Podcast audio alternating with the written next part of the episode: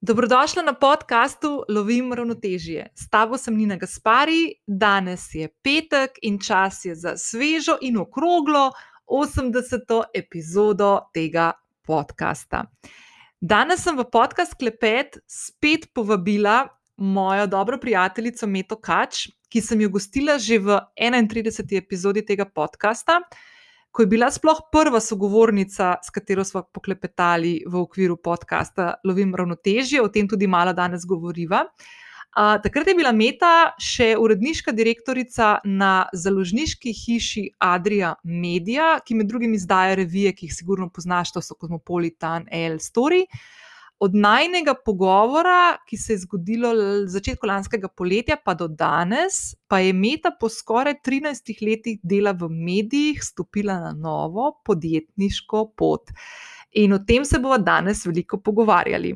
V tej epizodi z Meto govoriva o tem, kako je v najbolj turbulentnem letu sprejeti tako pomembne odločitve, kot je naprimer sprememba službe in pa še posebej skok v podjetništvo s kakšnimi strahovi se je srečala, kako je z njimi upravljala, kako je utišala svojega notranjega kritika, pa sindrom usiljivca, in predvsem, kako je zaupala svojemu zakaju, ki ga je mimo grede tudi takrat že malo omenila v tisti prvi epizodi, ko smo poklepetali, tisti 31. epizodi.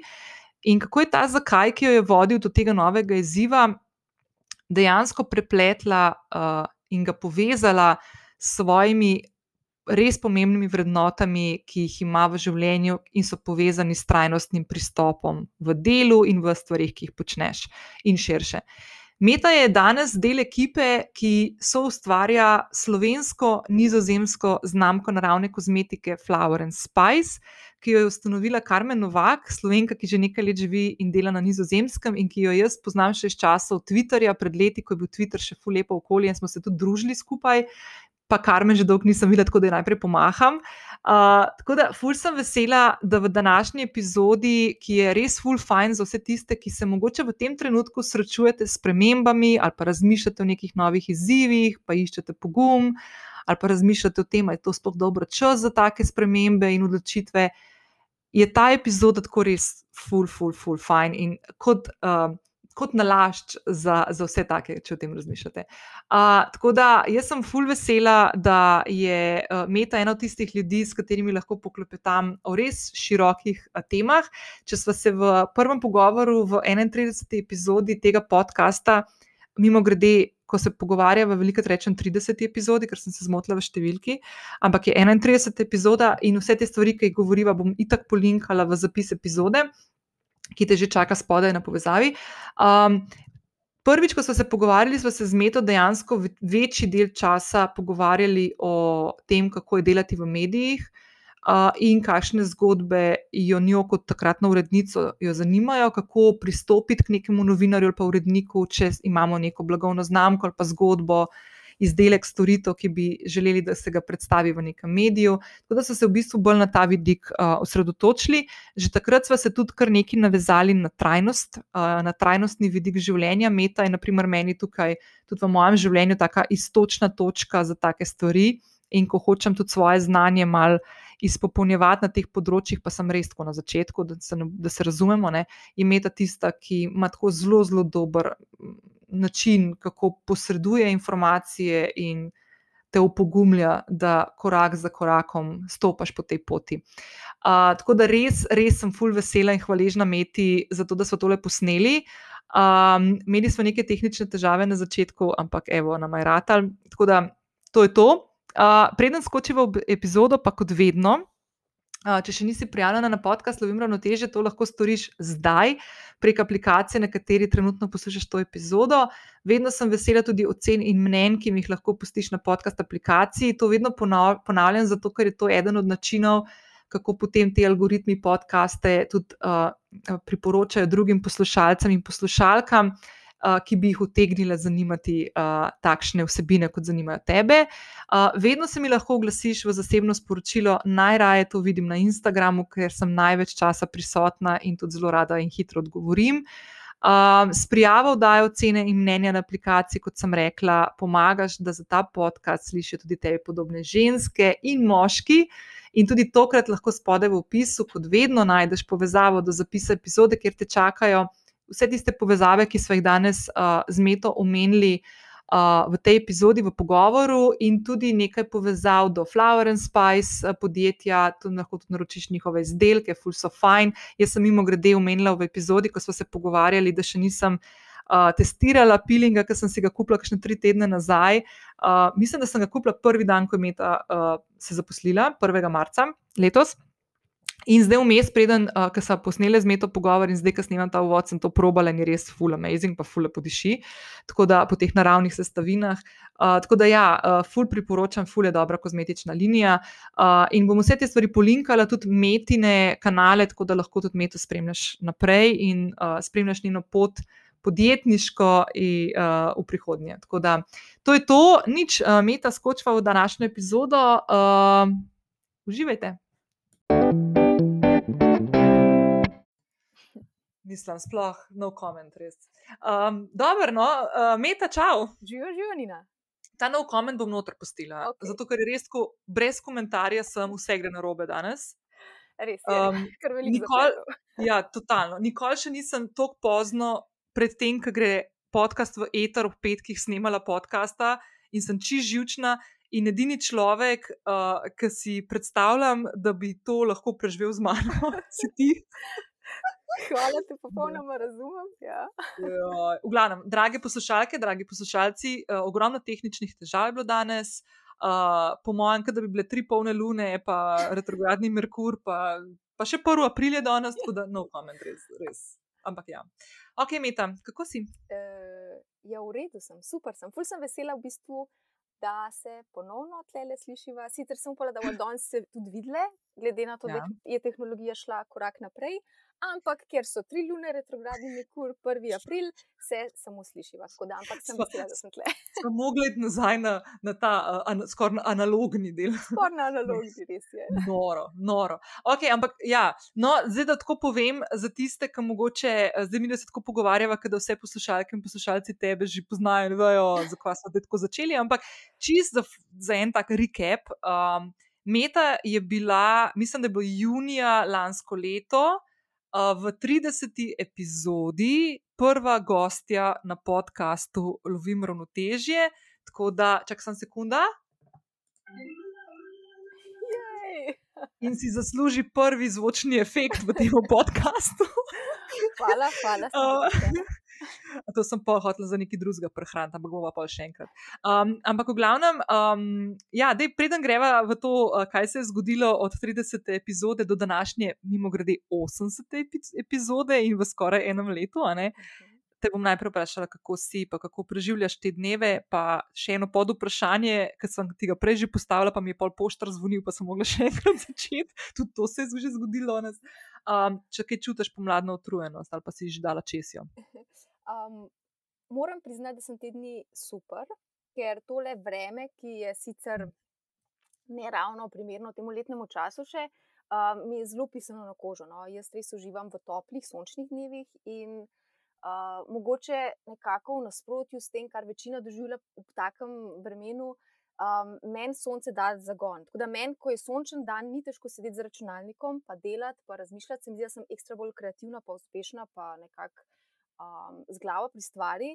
Um, ker vem, da potem me čaka še prosti čas, ki ga pa seveda vedno izkoristim, da grem se mal uh, sprehoditi, malo v naravo, malo nadihati in tam nekako odklopim možgane, res pa misliti na nič da se potem lažje vrnem k delu, ker se mi zdi, da, mi da, da sem spočita in pa mogoče malo bolj bistrih misli. No. Tako da um, uživam v tem, uh, v tem vremenu.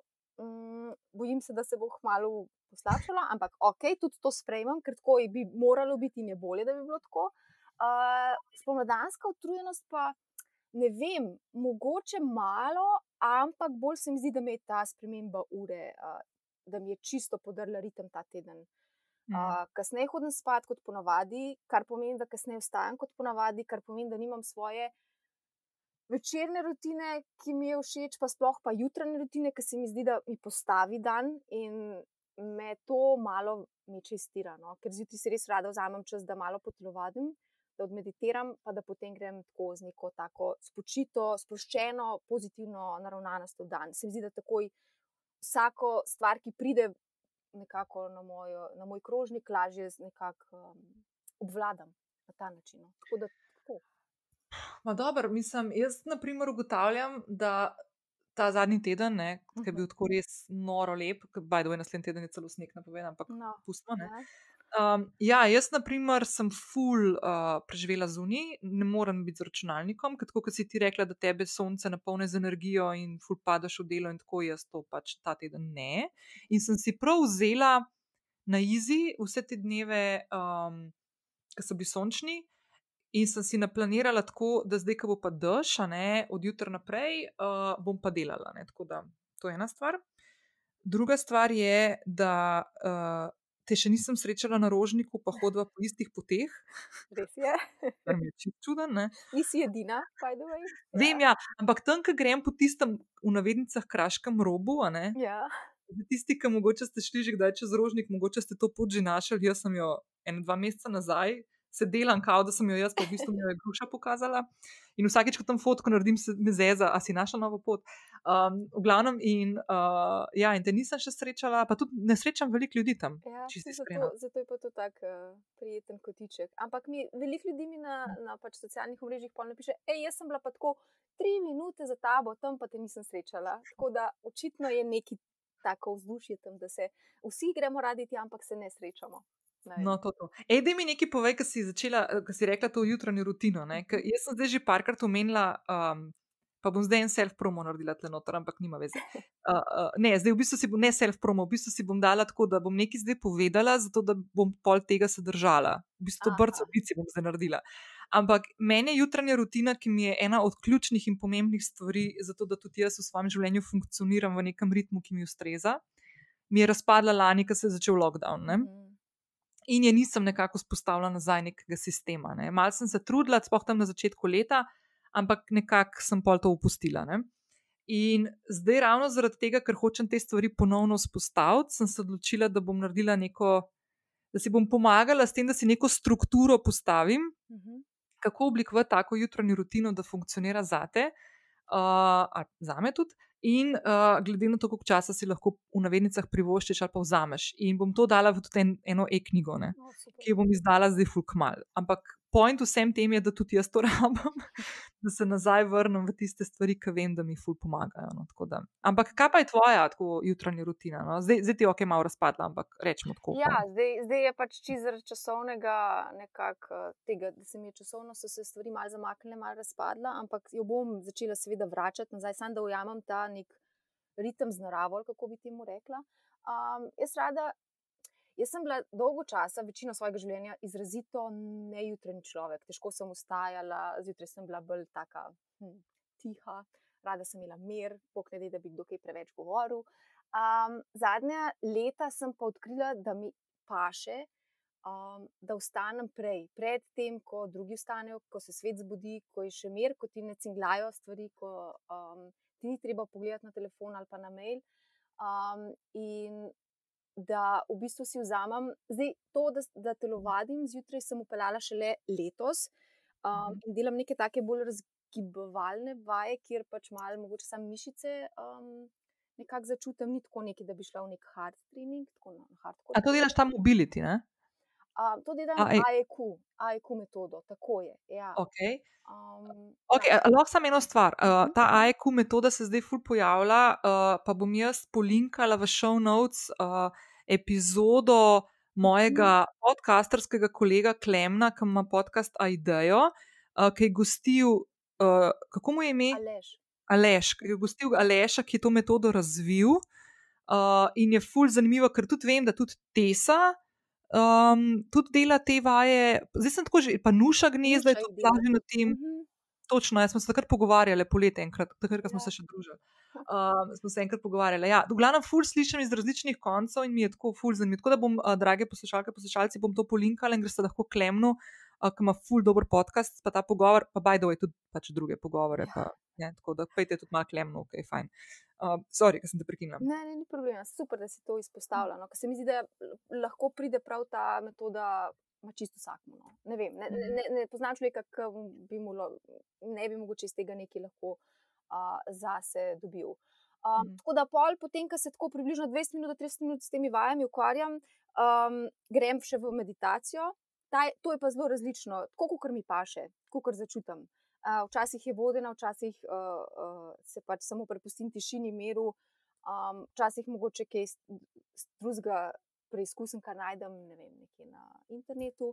Um, potem si pa vzamem še čas, da si prvoščem skodelico čaja, v miru, v tem smislu. Sploh zdaj, ko so taki lepi, uh, lepa jutra uh, in pri meni res pride sonce, tako da mi posvetne mizo, da, da posedim, mogoče pogledam čez okno, spijem tisti prvi čaj, se nekako se mi zdi, da se mi telo začne prebujati. No. Uh, če imam čas, kar med tednom zelo težko, ponavadi um, še kaj zapišem, uh, potem pa se lažje prepustim nekako uh, dnevu, ker se mi zdi, pa, da zdaj smo pa res vsi zbujeni, zdaj pa grem lahko v dan. Tako, na ta način. A pa se tebi zdi, da ti je ta jutranja rutina tako malo razpadla zdaj zaradi tega, ker je ta sprememba um, sezon, ali mogoče še kakšna druga stvar? Um, Malo ti polagam zdaj besede. Vem, vem kam, kam mi hočeš položiti besede. Pa sem, v bistvu bom tako bom rekla. Zaradi sprememb, ki so se mi zgodile v zadnjem času, sem se ekstra trudila uh, ohraniti svojo jutranjo rutino, zato ker vem, mm. da spremembe so lahko za človeka malo bolj stresne. Ker če se ti življenje spremeni, če neke, nek, da nimaš neke klasične mm. rutine, hitro lahko um, vsaka stvar deluje, malo bolj stresno, preden se na njo mm. navadiš. Tako da sem se res trudila. Um, ja, je pa res. Val, logično je, da pač, ko ko se mi je življenje malo spremenilo v zadnjem času, se mi pač tudi malo rutina. Ampak se trudim, da jo bom mhm. res nekako spet usvojila. No, zdaj, lahko, ja, zdaj lahko dam ta noter med klic, ne, kaj so zdaj te spremembe, se lahko začnejo počasi navezovati na to, da v bistvu današnji, današnja istočnica za najmen pogovor, ki se mi zdi, da bo ful zanimiv tudi z vidika tega um, za vse tiste poslušalke in poslušalce, ki mogoče razmišljajo o teh spremembah, tudi pri sebi, pa bom povedala, kje so te spremembe ali pa delajo korake v to smer uh, bova šli malo z meto skozi to zadevo. Ampak najprej bi rada povedala, da ko smo se z meto pogovarjali uh, v 30. epizodi uh, podcasta, je bila meta takrat uh, uredniška direktorica na medijski hiši Adria Media, kjer je bila zaposlena 13, skoraj 13 let. Uh, danes je pa točno en mesec, ne, ja. odkar je meta na podjetniški poti, sekunda. Kot tvoja fan, number one fan, da si se pridružila nam, podjetnikom, sem zelo vesela. In v bistvu bomo danes, zdaj malce bolj premaknili v to smer, uh, da se bomo pogovarjali o tem, kako si ti se lotila sprememb, sprememb na tem področju na svoji karjerni poti, kako je to izgledalo. Uh, in kako to zgleda, da narediš v letu, ko mogoče je teh sprememb tako ful velik, pa vsem se odločiš, da boš še to naredil. Detko, malo povej, kaj se je zgodilo v zadnjem, od, od te 30. epizode do današnje 80. No? Um, ja, z veseljem. V bistvu, tako ko pomislim na vse te spremembe, ki so se dogajale, se mi zdi, da se je hkrati vse zgodilo čez noč, po drugi strani pa se je nekako, ko v retrospektivi gledam, to pripravljalo že nekaj časa, pa se tega v bistvu sploh nisem zavedala. Um, na zadnje, ki smo govorili, ja, sem delala kot uredniška direktorica na eni ful, res lušni zložniški hiši um, z fenomenalno ekipo, ampak koncu, konec, tam nekje proti koncu lanskega leta, se, se sploh ne spomnim več točno, kako, kako je bilo časovno, uh, sem jim ponudila priložnost, da se pridružim podjetju Flower and Spice. Gre za naravno organsko kozmetiko. Um, in ta priložnost mi je nekako takoj ti, ki me poznaš, veš, da mi je takoj nekako zavibrirala, tako me je pritegnila. Um, ne vem, če se ti ni nasploh spomniš dobro, ampak mi, da smo se, po mojem, že, zdaj bom rekla, leta nazaj, pa ne vem, ali so bila leta ali so bili meseci, ne spomnim se. Uh, pogovarjali o tej moji strasti do um, beauty segmenta, do, lepotni, do lepotne industrije, kako bi temu rekla. No. Um, uh, jaz sem ti že malo o tem govorila, malo sem te enkrat celo presenetila s to idejo, da me to res tako zanima. In se mi zdi, da smo se takrat pogovarjali, smo se o tem pogovarjali, potem pa del, nekako ti življenje potegne, malo pozabiš na tisanje, malo mal ne veš niti, kako se tega loti, kaj, kaj ti to pomeni, kaj so sploh opcije, potem se je zgodila korona. Um, in um, sem nekako, mogoče pozabila malo na to mojo strast, ki je bila zelo zasebna strast v bistvu. No? Um, sama sem zasebno odkrivala veliko. Raziskovala tematike, brende, jih testirala sama na svoj račun, in vse to.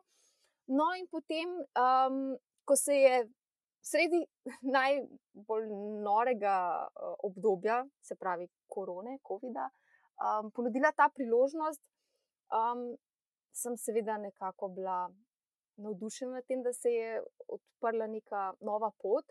Hkrati pa iskreno povedano, pa to bi res rada poudarila, zato ker se mi zdi, mogoče se premalo uh, to pove, me je bilo izrazito strah. Mhm. Uh, v tem času take spremembe delati, kljub temu, da uh, te stvar pokliče, kljub temu, da se ti vse vrednote po, po uh, nekako uh, odkljukajo, uh, da je brend, v katerega verjameš, uh, da vidiš, da je super ekipa, še vedno obstaja nek strah pri takih velikih spremembah. In se mi zdi, da je pomembno, da o tem spregovorimo, pa da to nekako povemo, zato ker, ali pa mogoče sem jaz taka, sej verjetno, verjetno nekateri take spremembe delajo head on in let's go for it na, na ta način. Ampak um, vsi se nekako vprašamo, korona, kaj to pomeni. Um, ker dejstvo tudi je, jaz na Adri Medi sem imela res super, super sodelavce, uh, fenomenalno ekipo. Delali smo stvari, ki so mi bile um, zelo všeč. Jaz sem pač tist, teh 13 let tam se razvijala, uživala. Um, uh, in se mi zdi, da smo naredili veliko enih dobrih stvari. Tako da ni bilo tako, da bi uh, to spremembo um, nekako začutila na ta način, da moram iti tudi uh, tam, kjer sem bila prej.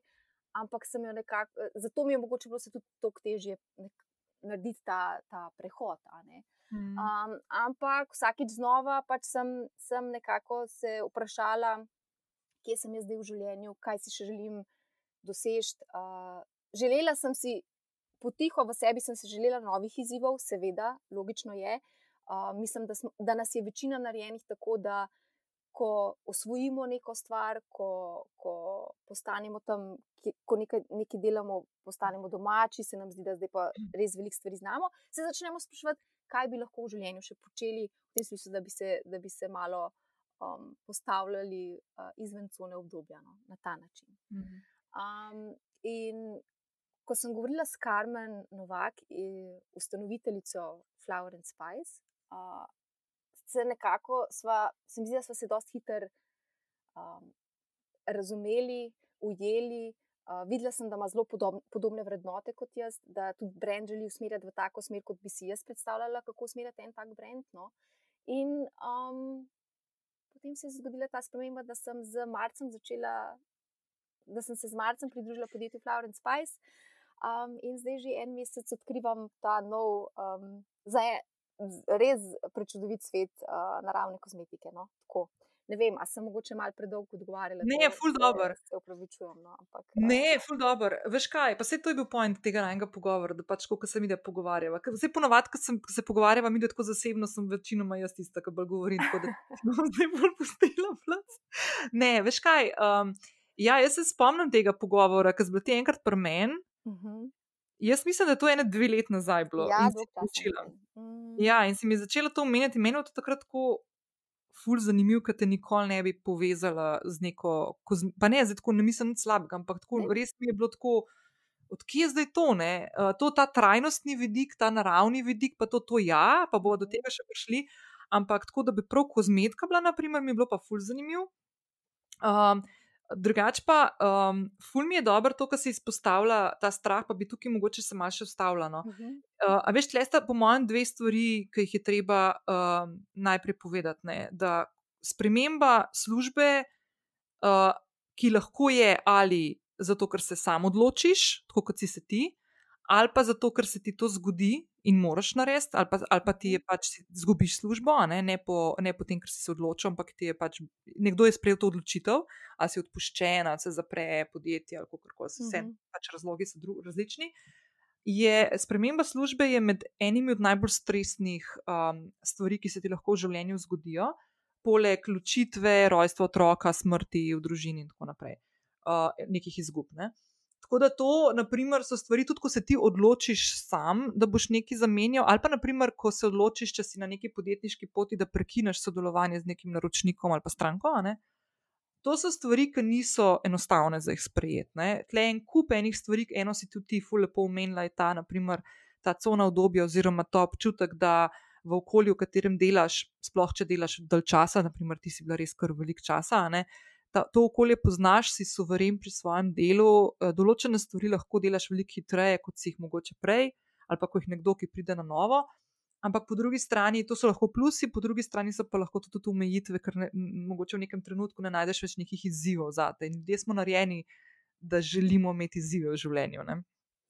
In Uh, mogoče ena stvar, no, ki sem jo jaz opozvala pri tebi, uh, pa bom rekla, da me, sem tako ful čutila ta tvoj, mislim, strah, pač, ampak tako zdrav strah. Uh mhm. -huh. Meni je bilo noro, kako se je to tako odpletel in odvil tam v, v koncu lanskega leta. Um, ful mi je bilo dobro to spremljati, ful mi je bilo dobro to, kako ste se s Karmen. Um, Našli, povezali, naš, takoj našli te pač skupne točke in vrednote, in, in sem ful bila tako presenečena, kako dobro si vse te stvari speljala in kako si sebe vodila čez te svoje strahove.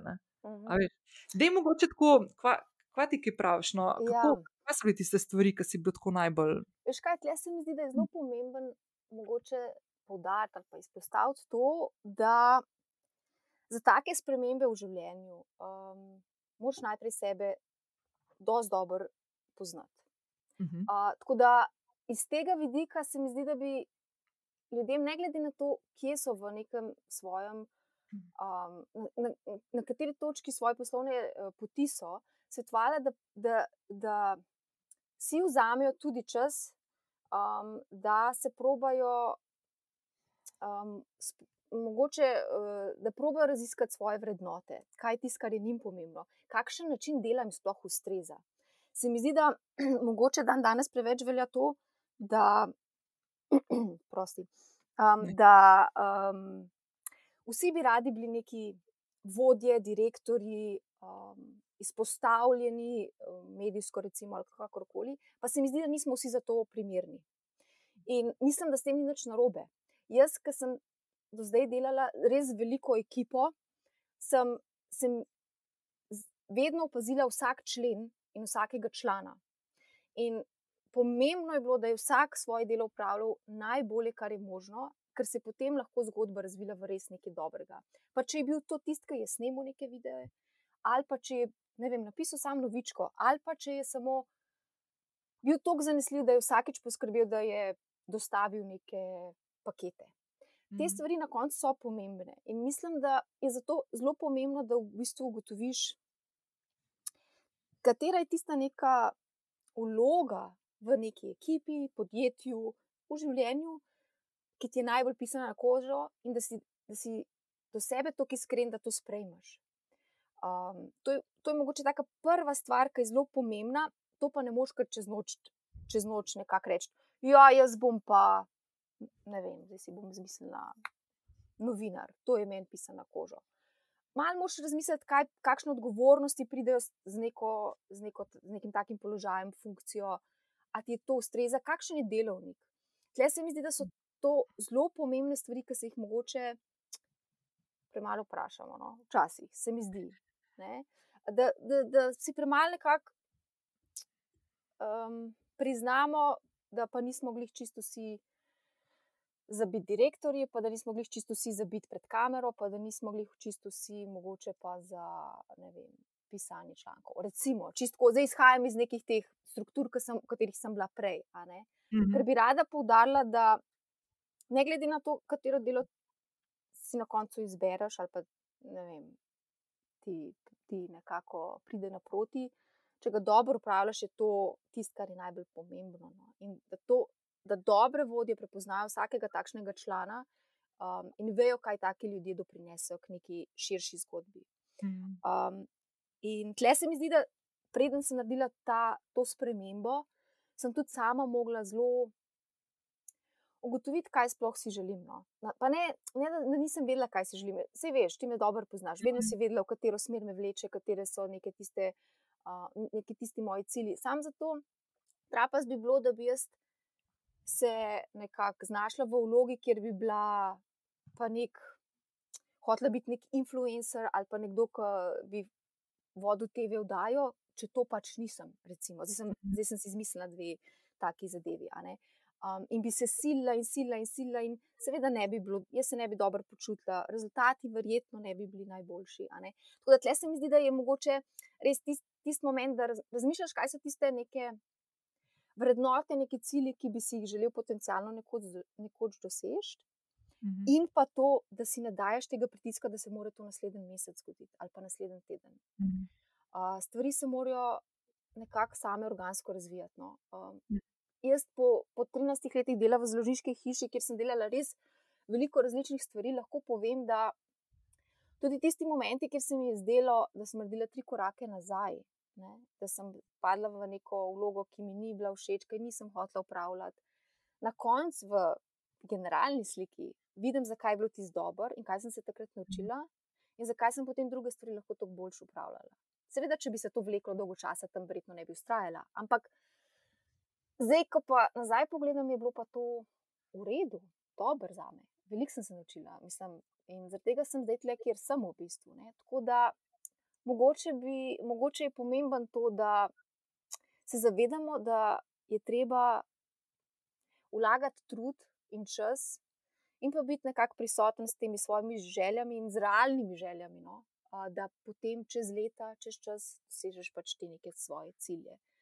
Če se z glavo zaletiš v neke stvari, se mi zdi, da je mogoče na koncu rezultat ni tako dober, pa prehiter se mi zdi, da lahko odnehaš. No. Veliko ljudi sem videla, ki so se zaleteli v neke funkcije, v neke pri, prepričani, da to si pa želijo delati, potem pa so tudi prehitro odnehali, zato ker jih je to.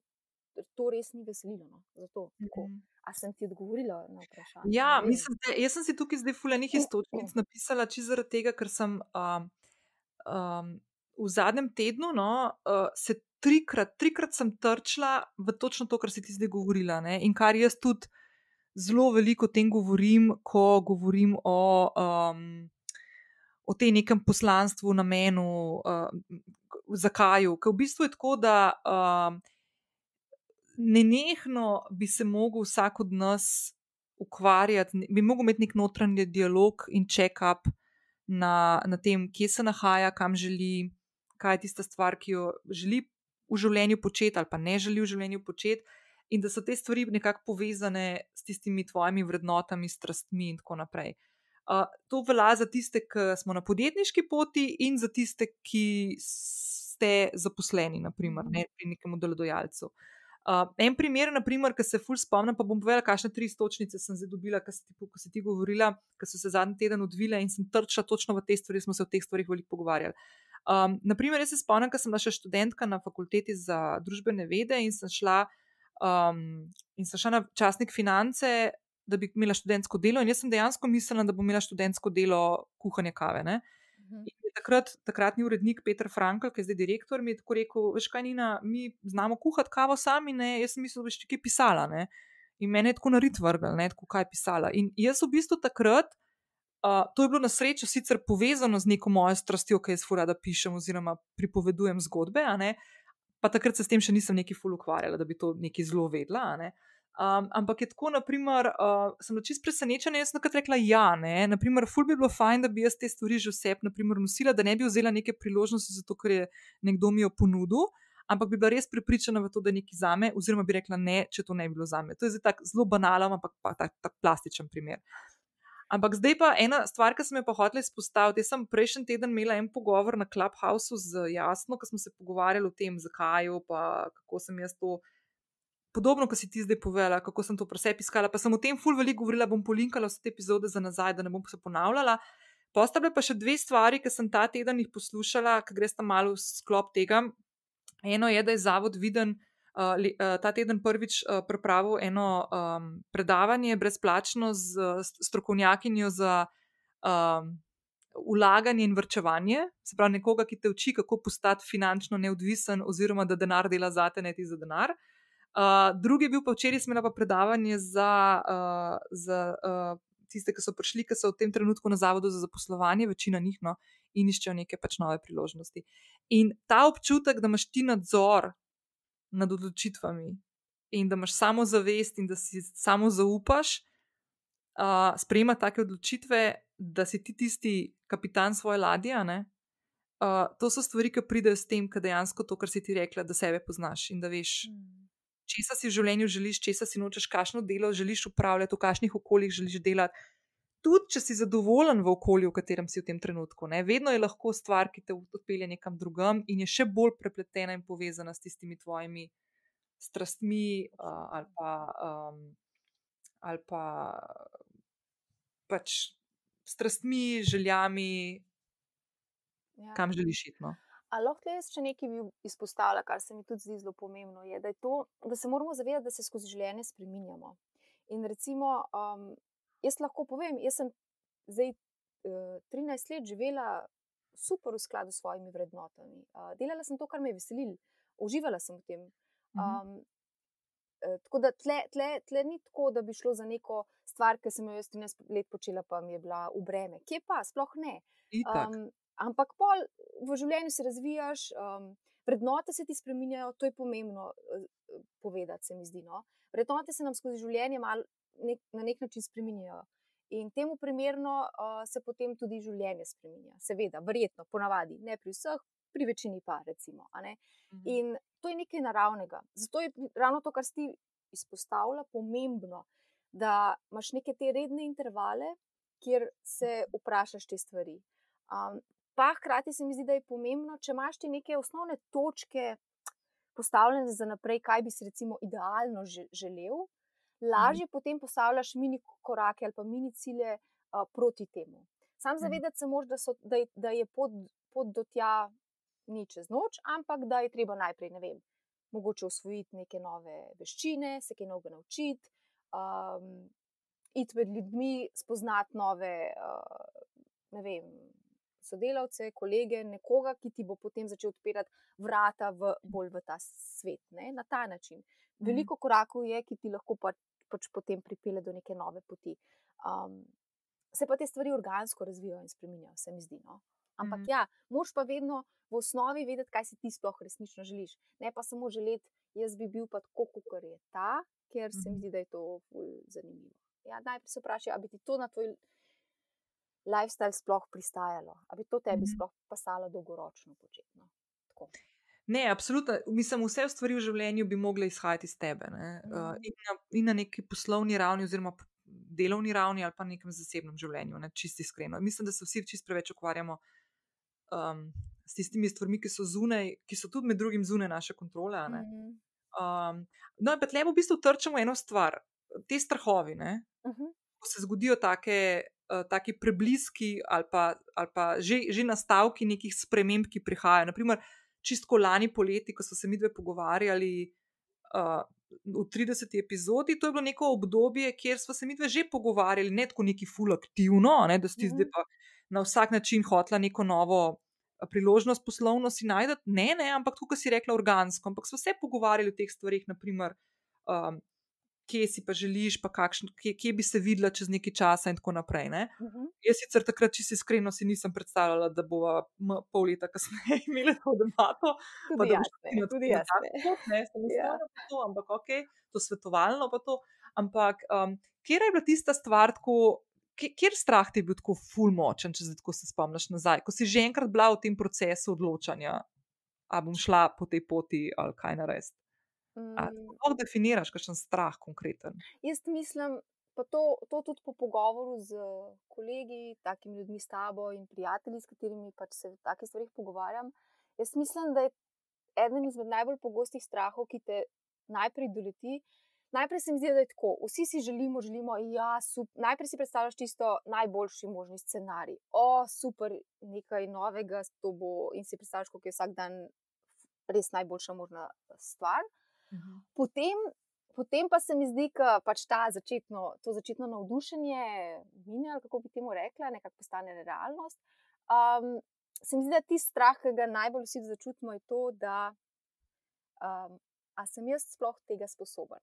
Jaz Mhm. mislim, da po, ne glede na to, kakšne izkušnje imaš, um, koliko let delaš nekje, da se vedno ti mal ta, ta strah um, pritihotapi v misli. Pa t- Mhm. tudi, če ga ne ubesediš na ta način, če ga samo začutiš, če samo začutiš nek strah, se mi zdi, da je to izvor tega strahu. No. Um, da, ker seveda, vsi hočeš biti uspešen, ne glede na to, kaj počneš, kje, kje si, s kom sodeluješ.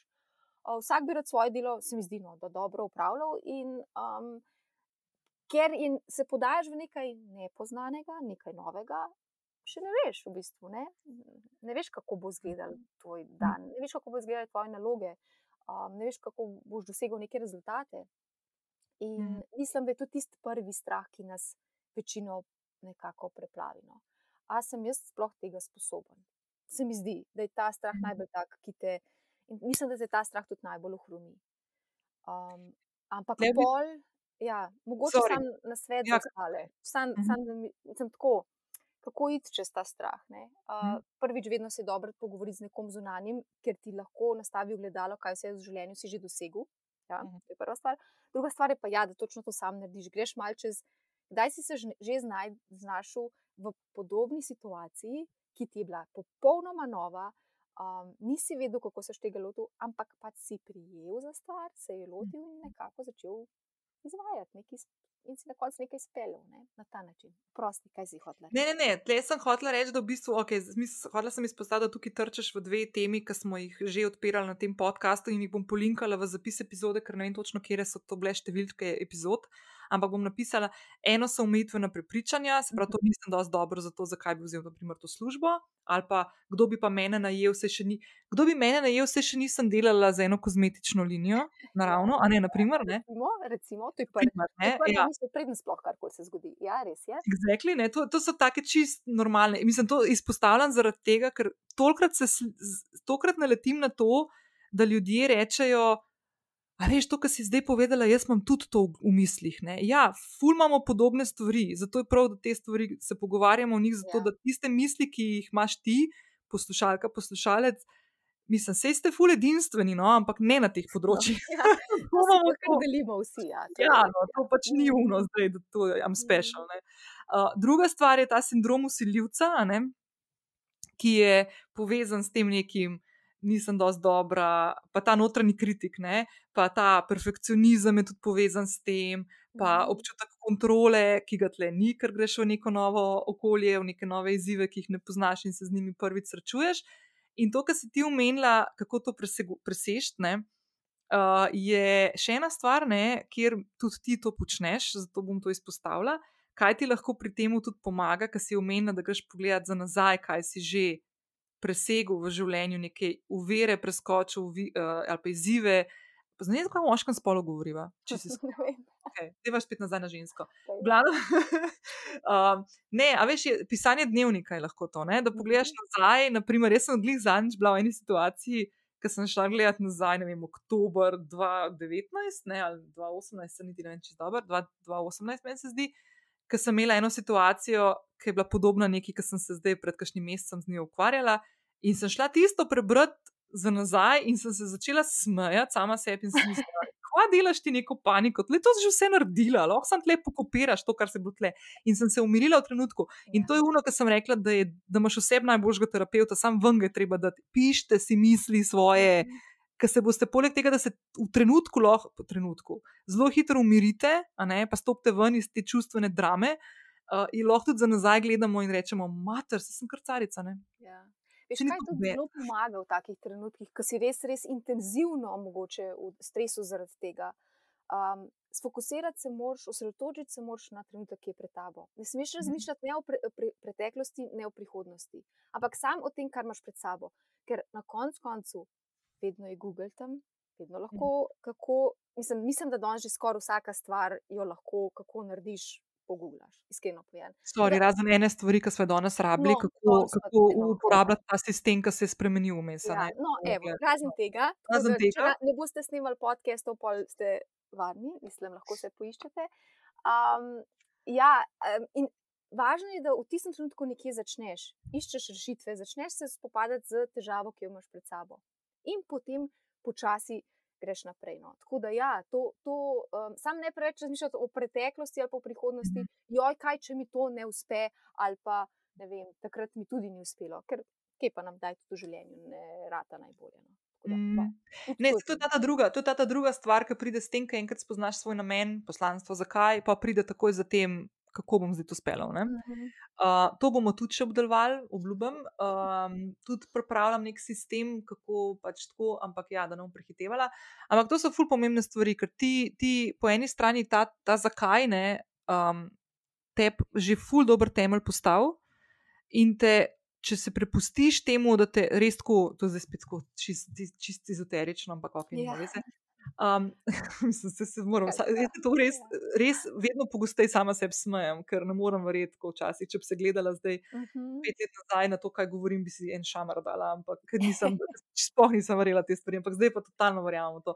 V glavnem, če se prepustiš toku in da te dejansko vodi ta tvoja strast in ta tvoj notranji glas, ki ga ima vsak od nas vseb, um, gre, ne? ampak pa, pa, ker hočeš pa malo preseči te stvari, ne? pa malo rast, ne? pa malo bolj strateško se lotiti stvari, pa pa treba imeti malo kakšne tudi take bolj oprijemljive uh, orodja in strategije in premisleke. Da, ja. Ja.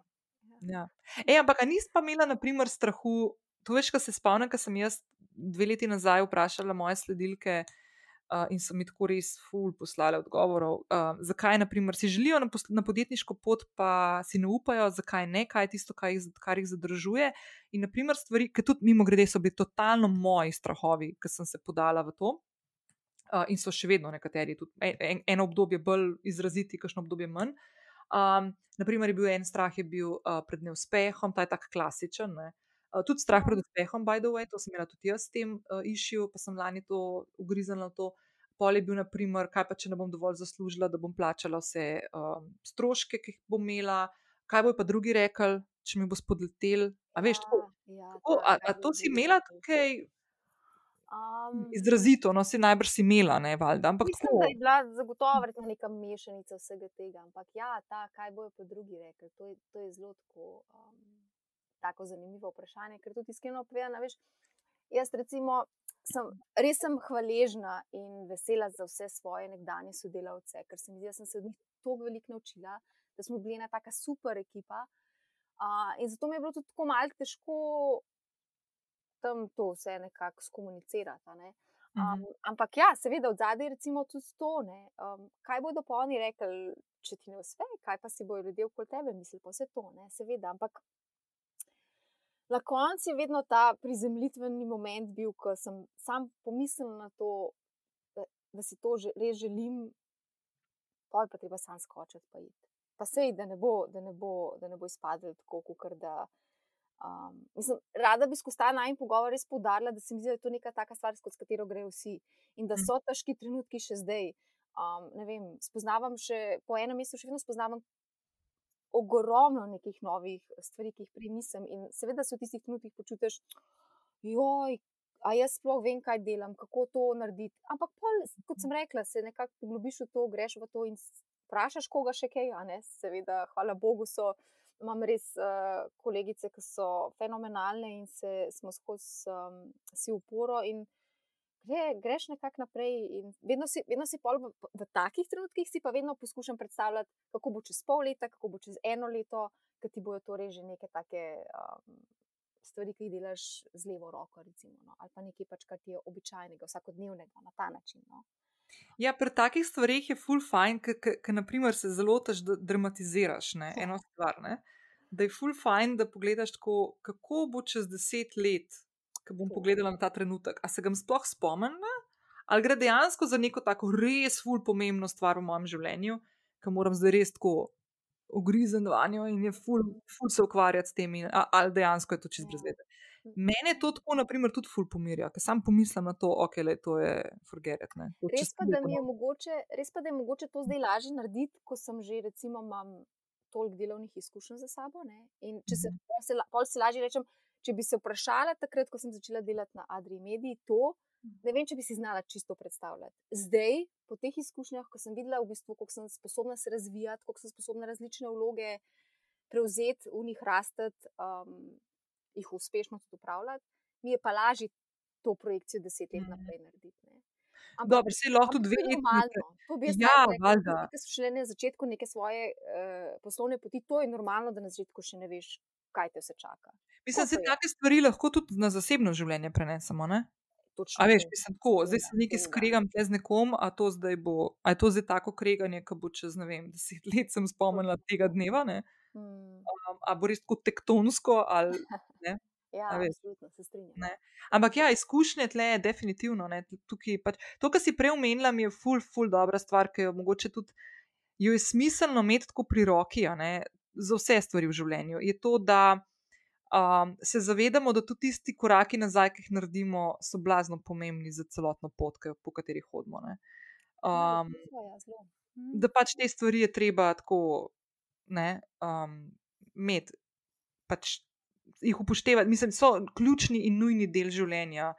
Um, in če tega nimamo in teh znanj nimamo, se ne bomo znašli tudi v tistih trenutkih, ko bojo kakšne zmage pred nami. Mhm. Ne bomo znali tega niti cent, pa niti ne oblad, mislim, upravljati s tem. No, tako. Uh, tako da, ja, to, me, mislim, jaz, na primer, pa se to imamo, po mojem, itak imamo to vsi, da smo pač od nekih teh pacov ali pa negativnih izkušenj, kako koli, se imamo občutek, da se vedno ful več naučimo kot od stvari, ki so, ki grejo tako, with the flow. Ne. Um, ampak je fajn se vedno opominjati, da se obojega, pač, da potegnemo v najboljše stvari iz obeh Mhm. in eh, spoznanja tudi iz obeh, ne, da ne pozabimo. Na. Ja, točno Ja. to. Ok, da mi povej, um, se pravi, okay, ti zdaj uh, sodeluješ s podjetjem Flower and Spice, oziroma blagovno znamko Flower and Spice. Mi grede lahko povem, da s Karmen poznam že res full dolg časa, tvojo, a, mislim, tvojo šefico, Ja, tvojo. ti je šefica. Ja, nadrejeno, oziroma lastnico in ustanoviteljico tega brenda. Jaz jo poznam še iz časa Twitterja, ker smo se še ful družili, pa je bil Twitter še tako ful prijetno okolje za komuniciranje. Se zdi tako a lifetime ago. Uh, pa nisem že sto let videla, ker se je na Nizozemsko preselila, uh, tako da vodi pod, mednarodno podjetje. je To, ne, Ja, tako. v bistvu je Ja. nizozemsko podjetje, ja, ki ima Ja. v bistvu tukaj zdaj tudi pisarne po novem. tako Da, Mhm. Mhm. Ja, ves, ki ste jih včeraj prevzela. Ne? ja, včeraj sem šla Mislim, poključati. To mi je smešno, se mi, da se to zezva. Če bo Karmen to poslušala, da ne bo spadala tako prepotentno. jaz se ful smejam, se smejam, ker ste zdaj v zadnjem mestu tako en kup enih stvari naznanili, novi trge, odpiranje in, in novi punkti prodajni in nove pisarne. Se smisel, da je umeto. Ne? No, to, moram poudariti, da je del, trdo delo ekipe pred, ma, Valjda. mislim, pred mojim prihodom. Tako da, absolutno. Valjda, ja, itak, ja, veš, da ja. ti veš, da se te seveda. zafrkava skozi. Ve- ve- ve- ve. Um, no, ampak v glavnem, veš, kaj pa zdaj, ne? ena stvar. Um, ko malo zanima, kaj pa kaj tako še drugače počneš v življenju? Ja, um, sej, tako kot si v bistvu opazila, jaz, um, jaz sem zelo v zadnjih letih. Mogoče se začela malo bolj posvečati tej svoji strasti, trajnosti, trajnostnega razvoja, trajnostnega pristopa k življenju, nekemu temu conscious lifestyle, če temu v angleščini lahko tako rečem. Um, in sem se tudi začela veliko izobraževati na, na tem področju. Tako da um, se mi zdi, da je, če mogo, čeprav mogoče povezava ni direktno opazna, uh, je, sem skoraj nekako pripričana o sebi, čutim, da je to pripeljalo tudi do tega, da sem zdaj del ekipe Flower and Spice. No? Ker je ta brand zelo tak, da je, um, je pisan na kožo, um, je veganski, ni testiran na živelih. Vse veš, vse te stvari, ki so meni nekako tako pomembne. Tako da mislim, da je tle mal ta povezava. Tako da že iz tega sem izredno hvaležna, da lahko počnem zdaj to, kar počnem. Um, ja, mal pa me vedno bolj tudi, še vedno nekako ta trajnost me, kako bi temu rekla, še vedno zelo matra, čeprav ni, to prava beseda. Zelo se čutim povezana s tem, tako da še vedno nekako jo zelo intenzivno raziskujem. Raziskujem, kako bi tukaj nekako um, še kaj več doprinesla svetu. No? Tako da um, poskušam biti nekako um, nek človek, ki s pozitivno spodbudo, ali kako bi temu rekla, uh, nežno in ampak mogoče dolgoročno nekako uh, izvablja spremembe v družbi, pri posameznikih, podjetjih, um, kakorkoli tako. No. Tle smo se mi, da že, po mojem, smo se tega dotaknili že v pogovoru takrat Mhm. lansko leto poleti. Uh, tle se mi zdi zelo pomemben podariti to, da rada bi nekako s svojim delovanjem, zasebnim, poslovnim ali kakorkoli razbila ta mit, da je to, da je to področje treba nagovarjati na agresiven, pa negativen način. Uh, mhm. Mislim, da bomo hitreje spremembe, pa boljše spremembe, pa bolj učinkovite spremembe dosegli, če se bomo tega lotili na, na neusiljiv način. No. Tako. Ti mhm. veš, kaj ste mislim. Um, ne vem, bi šla rada bolj v to debato, ali ne, sploh ne mislim, it, ampak um, tako, nekako se mi zdi, da je pomembno, da se postavi, da nismo vsi neki taki agresivni ljudje, ki hočemo um, na silo spremeniti cel svet. No. Ne, pa to je meni tudi pri tebi všeč, ker naprimer, mi dve čisto v najnem prijateljskem odnosu, naprimer, jaz nikoli pri tebi nisem začutila, da bi ti meni karkoli hotla tako sugerirati ali pa napeljevati me na neke velike korake in spremembe v mojem lifestylu, pa včasih bi jih rabila, ne, naprimer, kakšno ločevanje odpadkov pred leti, pa to, ne, ker sem bila, no, pač sorry, ne, valjda, ne. Ja, izekuje, ne, tako, valjda. No, ampak drugač pa, um, ja, um, to, to, meni je ful všeč to, ker v bistvu um, vedno, ko te kakšno stvar tako vpraša na tem področju, znaš ti meni tako odgovoriti na način, kako lahko se tega lotiš s takimi mikrospremembami na neki osebni ravni. Ne? Oziroma, pač na način, ki te odgovarja v tem trenutku. Da ti, ne, da ti ne naredi nekih takih šokov, da potem po dveh dneh nehaš, zato ker ti je to čist preveč. Um, ja, to se mi zdi tako ful ključno pri stvar, pri vsaki stvari, ki jo počneš. Pa ne gre ne vem, za spremembo prehrane, spremembo nekega uh, spremembo jutranje rutine, kar koli tazga. Se mi zdi, da smo ful padali v to neko tekmovalnost ali z drugimi, ali pa sami se, sabo, ki hočemo biti vsi neki super eksperti na nekem področju in upeljati vse one stvari, ki jih slišimo pri nekomu drugemu. A veš, naprimer, ne vem, zelo v zadnjih parih. Tednih skozi poslušam, skozi mi mesiče pošiljajo, da se tuširajo pod fuledeno vodo. Super, ampak veš, ni nujno, ne, a, mislim, če sedeti, super, ampak ne pa, da zdaj pa to neka taka stvar, ki nujno moraš dati, ker je to zdaj full modern ali karkoli. Ja. Pač ne, ne, ne, ne na tak način upeljevati stvari v življenju. Ne? Ali pa ne vem, zdaj bomo vsi uh, iz ananasa usnje nosili, usnjene izdelke iz ananasa, kako pač. Ja, ja, Demo počasti stvari početi, ja. kjerkoli pač lahko super, ne? ampak tako. No. In meni se zdi ta del ful, ful zanimiv. In kaj, kaj imaš, na primer, kakšne stvari tako načrtuješ na tem področju, še, oziroma kakšni so tvoji plani? Kako boš to? To mi je fajn, kar si rekel. Mi smo se o teh stvarih pogovarjali v 30 epizodi in mi je ful pomemben tudi za poslušalke in poslušalce, da vidijo, kar si prej razlagal, ta organski potek, ne, kako greš in se premikaš. Ti si dejansko s to odločitvijo uh, te spremembe, ki si jih zdaj v zadnjem obdobju upeljala na svojem delovnem področju, profesionalnem področju.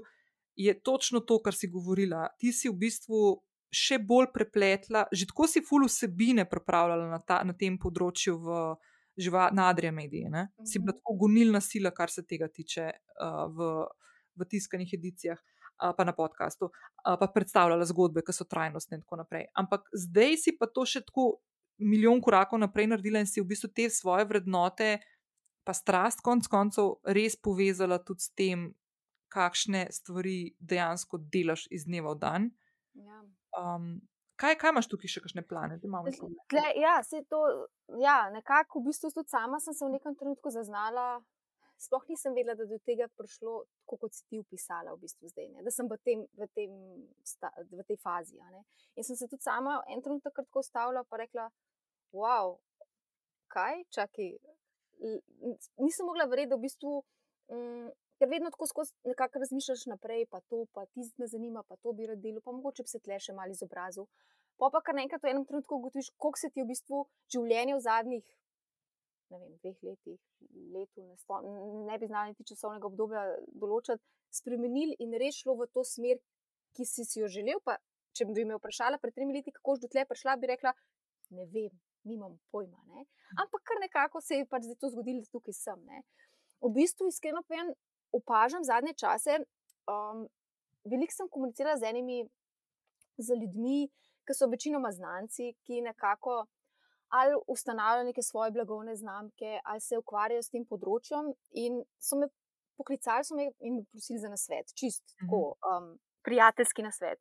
In bolj ko smo se pogovarjali, bolj sem nekako začela zaznavati to, um, koliko jim lahko jaz v bistvu dam, koliko skozi mhm. pogovor uh, jih lahko že usmerim, ker imam le toliko in toliko let izkušenj, tako da jih mogoče lahko malo jim pomagam razmišljati v to smer, ali pa jim sam postavim par vprašanj, da, da mogoče znajo sami sebe bolj nekako pozicionirati ali pa postaviti mm. a, na svoje mesto. In a, ravno zadnjič smo govorili z eno kolegico, in je bilo na temo bolj teh trajnostnih tematik, in smo v bistvu nekako prišli do tega, a, da, se, da, se mi, da se mi govorili o tem. Kako bo družba prišla do nekih sprememb? Ali se bo to zgodilo na hitro, se bo to počasi, kaj lahko mi doprinesemo kot neki posamezniki. Mm. In nekako prišla sem do te neke um, prispodobe, kako bi rekla, ne? tako kot imaš ti, ti imaš Ivanko, pa nit. Um, ti lahko nit, seveda bi si jo želel to nit čim hitreje dati noter, ampak če to poskušaš narediti na hitro, pa na grobo.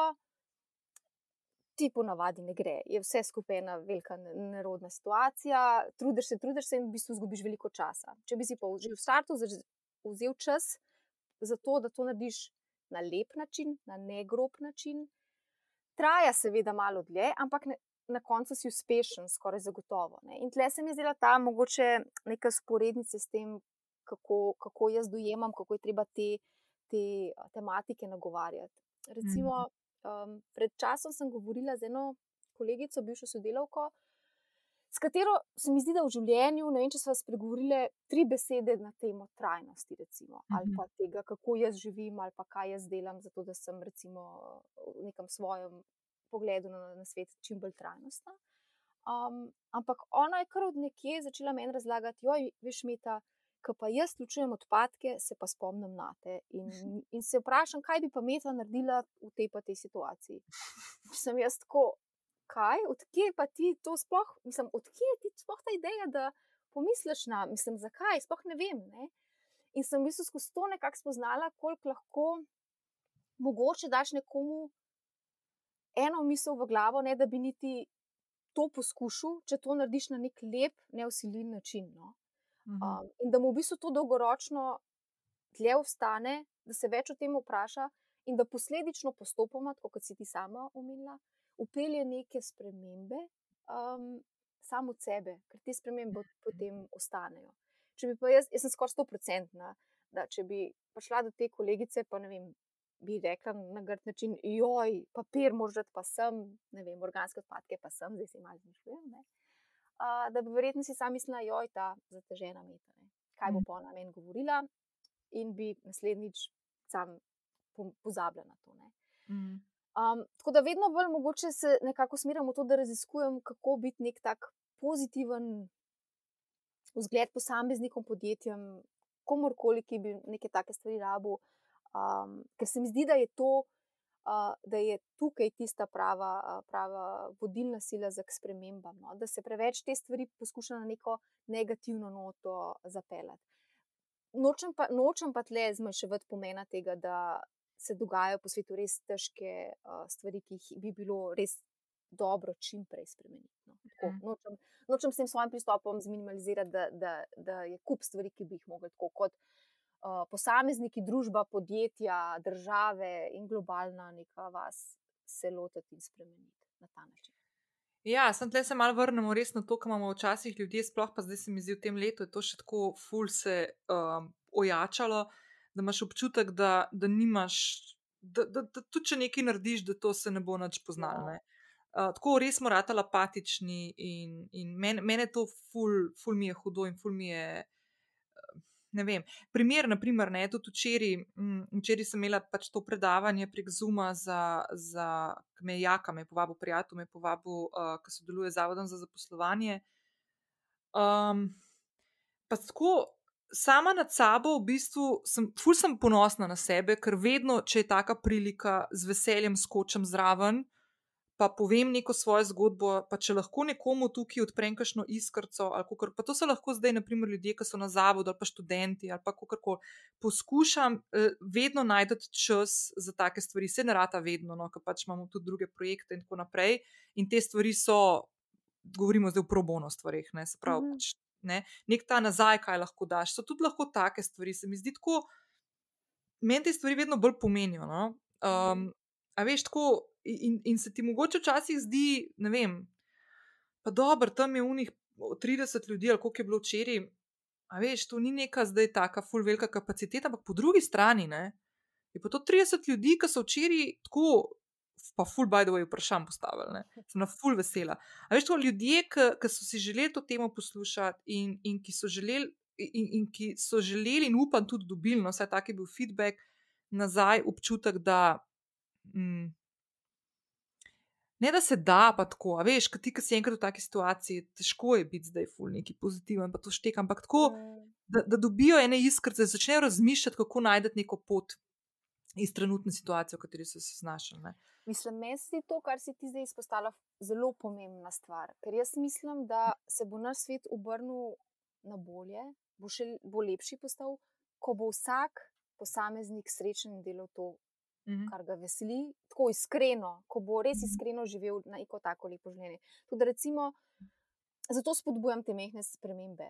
Um, mm -hmm. Zato sem res vesela, ne vem, ko nekdo nekomu pomaga najti notranji mir, mir, ko nekdo pomaga nekomu najti neko poslanstvo, uh, ko nekdo pom nekomu reče. Ej, v redu je, ne rabiš vsega vedeti na tem svetu, uh, dovolj si dober. A veš, vsak, vsak, ki odkriva neko svoje področje, na, kon, mm. na koncu lahko doprinese veliko. Ker cilj nam je v tem, da jaz mislim, da bomo mi kot družba rasli, ko bomo imeli srečne in vesele posameznike. Mm. Ja. To je moje izhodišče. No. In jaz mislim, da če si srečen in vesel posameznik, težko, težko um, hkrati potem delaš neke negativne, dolgoročno negativne, slabe stvari uh, svetu okoli sebe, družbi, naravi, komorkoli no, na ta -hmm. način. Ja, Ja. No, le, se čisto, če smo zdaj tako zelo plastični. Um, jaz, ko se pogovarjam o tem, ko se pogovarjam naprimer, z mojimi naročniki, pa komentariram, ali pa kakšno tako predavanje, ki je bilo to včeraj, pa se pogovarjamo o tem, kako najdeš, zakaj, kaj to sploh je, kje je začeti, kako se tega lotiti in tako naprej. Ena od ful pomembnih stvari pri tem, ko postavljaš neko svoje poslanstvo, svoj namen v svetu, je poleg teh v navednicah um, egocentričnih in individualističnih ravni, tudi to, kaj lahko jaz danes s tem, kar je moja strast, pa moje delo, moje izkušnje, moj, moj poklic, kaj lahko naredim, da bo svet, ki ga so ustvarjam, boljši, lepši. Kaj mhm. lahko prinesem nazaj temu svetu. Se pravi, tukaj, da greš malo širše, ne samo skozi svoje interese. Um, in ta del, naprimer, je meni, po mojem, eden od najbolj ključnih. Um, in eden od tistih, naprimer, primer plastičen, ki sem rekla, je ta podcast. Ker smo se mi dve dve leti nazaj lotili eh, raziskovanja podcast sveta, mi dve zmeto, da ponovim, smo delali skupaj en digitalen tečaj, le pri meni, enkrat na teden smo se dobili in pogledali enega od modulov, in potem uh, se mal bolj naučili in izučili teh stvari, in potem vsaka postavili en podcast. Ne? Ampak, v glavnem, in naprimer ta podcast je ena od teh stvari, ker sem jaz želela nekako spostaviti nek prostor za debato o takih stvarih, kot se mi dve danes pogovarjava podjetniških, življenjskih strahovih, naprimer, danes, kako premaguješ te stvari, kako umiriš tega svojega notranjega kritika in usiljivca, in tako naprej. Uh, to je, naprimer, tista stvar, v kateri jaz želim nekako spodbujati, plus ostale, malo bolj povezane s podjetništvom teme ali pa z nekim lovljenjem ravnotežja. A veš, in to, to, naprimer, je bila tista prva stvar. In jaz se vedno zezam, in zdaj, oče, če poslušaš, bom spet ponovila, ker me tako fulkrat vpraša. Ne? Mi reče, da ena od najbolj pogostih vprašanj mojega, od mojega očeta je: Nina, imaš ti sploh kaj od tega?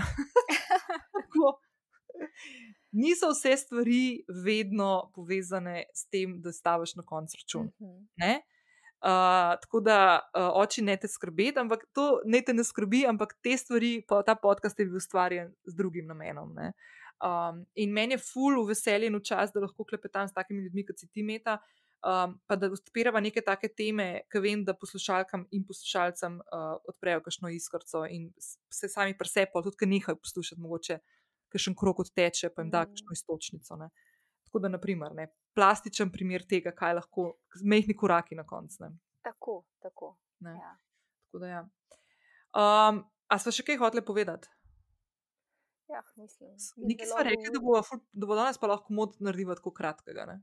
Ja, no, ja, to si ti rekla. Jaz sem pa rekla, ja, se veš, kako je to pri nama, pa, pa je ena ura, pa pol mimo. Jaz sem slišala, kaj si to rekla, ja, sam sem pol. Ja. ja. Ampak uh, v glavnem, ne, ful dobr, ful dobr. Ja, neč, veš kva, pa pa, um, kaj pa delaš ti, kaj zdaj? Še na prehod. se dobiva na kratkem klubu sredi Ljubljane. A ja, ne smiva se, ali kva že? ne smeva se, razen če hodila tri metre pred mano.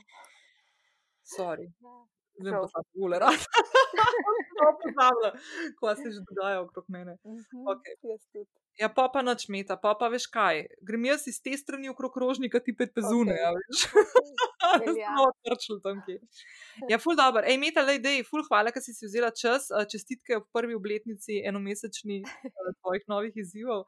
Ful sem vesela, da, se, da raste tale podjetniška skupnost in ko mi čakam, da vidim, kaj boš naredila. Ja. Ej, ja. Hvala, Nina, da si mi imela za gostjo. Ja, kaj si hotela reči? Sorry, nekaj sem še hotela reči. Nekaj, nekaj sem še hotela reči. By the way, ne, uh, to je pa tako, zdaj tako zelo taka, mo, moj doprinos k temu. Jaz, jaz sem uh, kupila od Flower and Spice peeling. Ja. No, No. jaz ga še nisem probala, ker sem hotela ga do danes, ne.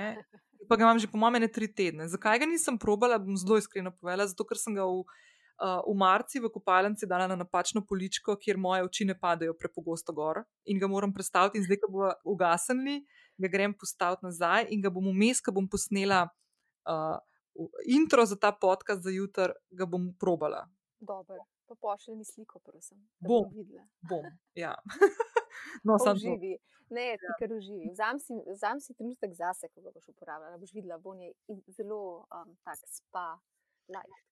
Ej, se mi je ful dobro, sej sem ti že povedala, da jaz v Flower and Spice tako že kar preveč, mislim, preveč vem, ne preveč vem, ampak že kar nekaj vem, zato ker je gruša moja prijateljica, food stilistka, drugače tudi ful z njimi dela. In jaz sem pri njej, ko grem pri njej na vece, ker sem že hodila na, na, na obiske lahko. Uh, je, ona ima celo kopalnico izdelkov in mi je vedno govorila, prav mi je govorila za ta, pa, za ta exfoliator, pa to. To mi je ful, ful Ja. govorila že o tem. da lej. Ta je res, ta je res. Jaz recimo eksfoliatorja res ne, ne rada uporabljam, ker imam zelo nežno, občutljivo kožo in to je edini, ki ga lahko uporabljam tako, da mi ustreza. Tako da, No, se jaz bom polinkala tako tudi uh, Flower and Spice v show notes, tako da greste lahko tudi to pogledat. Um, ja. Ja. No. Hvala, Nina. Res Ni za kaj. tole. A, upam, da, da sva poslušalcem dali vsaj nekaj uporabnih informacij, um, pa da se, ali pa vsaj občutek, da niso sami, ko se znajdejo v mogoče malo težjih situacijah, da smo si nekako se prej ali slej znajdemo v nekih podobnih situacijah. No. Tako. Ma ja, pa se jaz mislim, da točno to ne. Bolj, ko se pogovarjamo o teh stvarih, pa odpiramo neke te teme, s katerimi se vsi soočamo, ali pa na enem ali pa drugi ra- ravni uh, spopadamo, da pač. Ja, da smo si, spet bom ponovila, milijontiče že, da smo si ful bolj podobni kot različni. a ne. Tako da, ja, in je prav, da se o teh stvarih pogovarjamo. tako da Točno. ful dobro. Ja. A ja, še eno stvar. Ne, ne bom, ne bom danes, bom naslednjič, bom, bom naslednjič omenila za, za moške poslušalce. Ne, Obljubam, obljubam naslednjič, ko bom imela en dober cukrček za vas, pa bom takrat omenila. Ampak, okay. Dobro, to je to. Meta, No, ful lej. hvala, uh, spa na vezi. Ne? Itak. Ja, velja. Nina, hvala ti. Čau. Čau. Hvala, Meta, uh, hvala tebi, draga poslušalka, dragi, dragi poslušalec, uh, da si ostal in ostala z mano do konca. Uh, vedno ful cenim uh, vašo pozornost, uh, ki jo namenite vsebinam, ki jih pripravljam z mislimi na vas in kaj bi vas utegnilo zanimati. Jaz sem ful vesela, ker zdaj v naslednjih tednih uh, bom imela en kup enih vsebin in sogovornikov in sogovornic, ki so res full fine in se blazno veselim. Uh, na, na koncu sem se skoraj zagovorila uh, za eno stvar in sicer naslednji teden imamo v načrtu, upam, da bomo to speljali, ker smo se znašli spet v nekih čudnih obdobjih uh, druženja in nedruženja in podobnih stvari, tako da se bom še zmenila, ampak zaenkrat, če držimo, bom imela en pogovor. Z eno osebo, ki jo ful spoštujem in cenim, vse, vse moje sogovornike ful spoštujem in cenim, ampak tale sogovornik je pa tak, da uh, ne bom razkrila, no, bom pol kasneje, ampak imam en tak poseben respekt uh, do njega, zato ker boste videli, zakaj. Ne bom se zagovorila. Skratka, to je tak mal teaser, ne vem, če mi je rado. Uh, uh, hvala še enkrat, uh, lepo se majte. Jaz vam želim en lep praznični podaljšan konec tedna za vse, ki praznujete in za tiste, ki ne.